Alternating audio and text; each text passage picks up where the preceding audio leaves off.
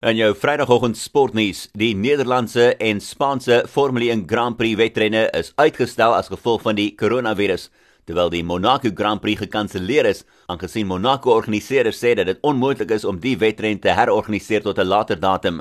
Dis na die kansellasie van die eerste Grand Prix van die seisoen in Australië verlede week en die uitstel van die Chinese, Bahrein en Vietnamese Grand Prix wedrenne, met die begin van die seisoen wat nou teruggeskuif word na Junie toe op die vroegste.